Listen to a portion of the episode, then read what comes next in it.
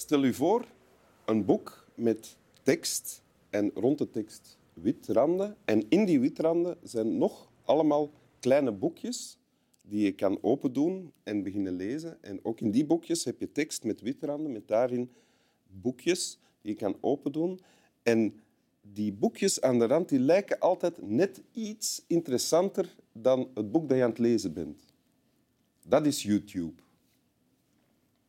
En dit is Winteruur met Imana Truijers. Welkom. Hallo, welkom.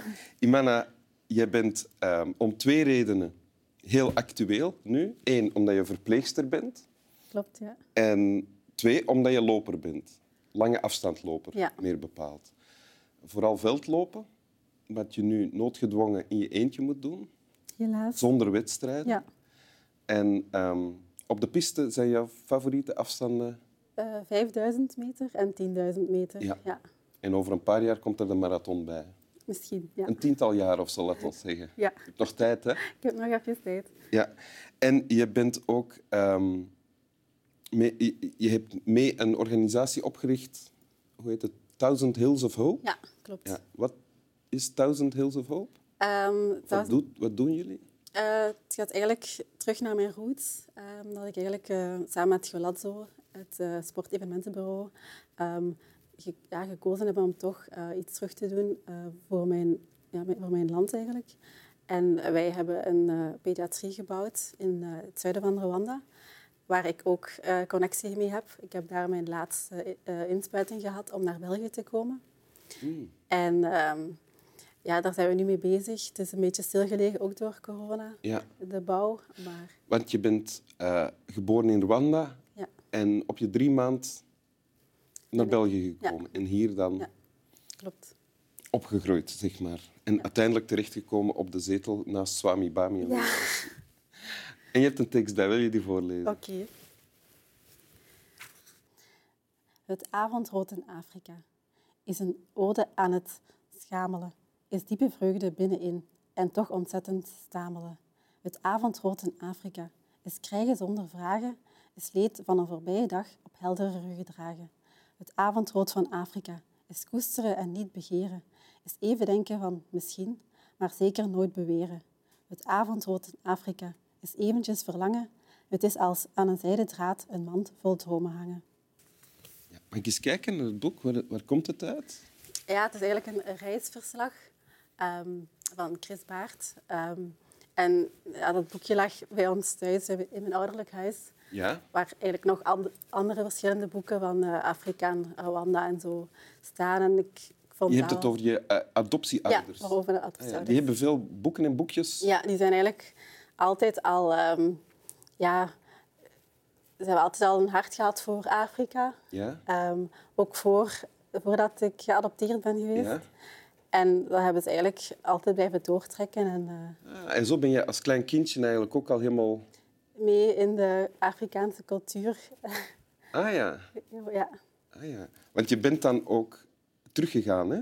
Enfin, um, meer dan één keer. Uiteindelijk, uh, ik heb heel lang gedacht van... Uh, ik ken het land niet. Ik, ik, het is leuk dat ik, dat ik weet van waar ik kom, maar meer, hoeft, meer, moet, meer moet ik niet weten.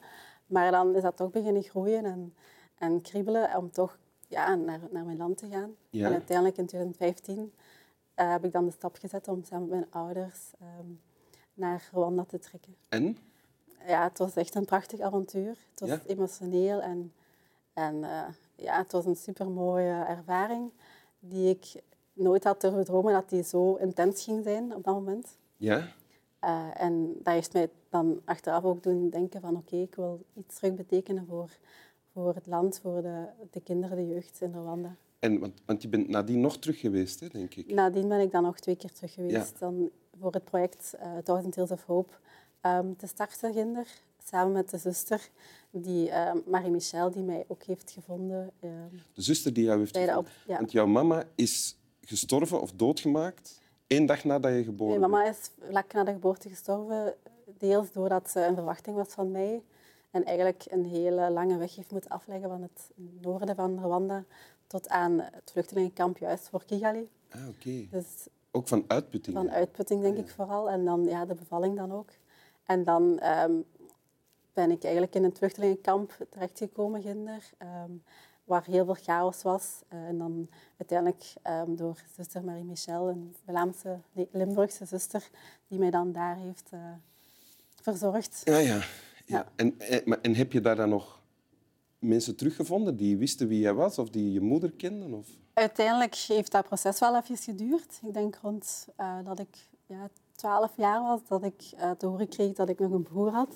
Een papa en onkels. Toen je 12 was, heb je dat gehoord. Ja. Dus toen was je nog nooit terug geweest? Toen was ik nog nooit terug geweest. En dat kwam wel binnen, dat nieuws. Ja?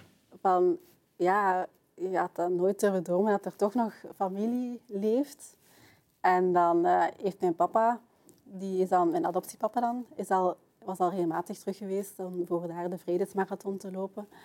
En uiteindelijk ook zo uh, connectie kunnen maken met mijn broer en, en, uh, en papa en zo. Ja, ja. En dan ben ik in 2005... Je papa leeft ook nog? Ja, die leeft ook nog. Um, maar hij heeft dan wel tijdens de genocide...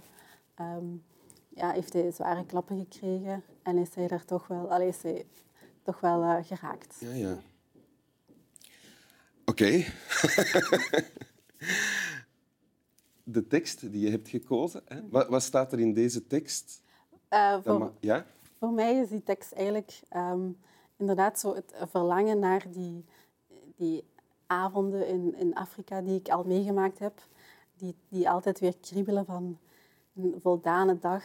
Uh, alles komt op zijn plooi. Uh, er is rust daar. Um, een ander soort rust dan hier? Ja, een ander soort rust en warmte die, die ik daar toch gevoeld heb, zo intens. En uh, door die tekst te lezen eigenlijk, dat reisverslag van, van die persoon, ja. kan ik me daar zelf ook een beetje in terugvinden. Dat ik ook na zo'n intense, zware dag, als ik in Rwanda geweest ben, dat ik dan ook even tot rust kan komen en kan, kan dromen van hoe mooi dat het eigenlijk is. Hoe mooi dat, ja. Zeg je nu dat deze, deze tekst uh, jou dan terugbrengt naar hoe het daar is. Dat je dat dan even kan voelen. Dat ik dat even kan voelen, ah, ja.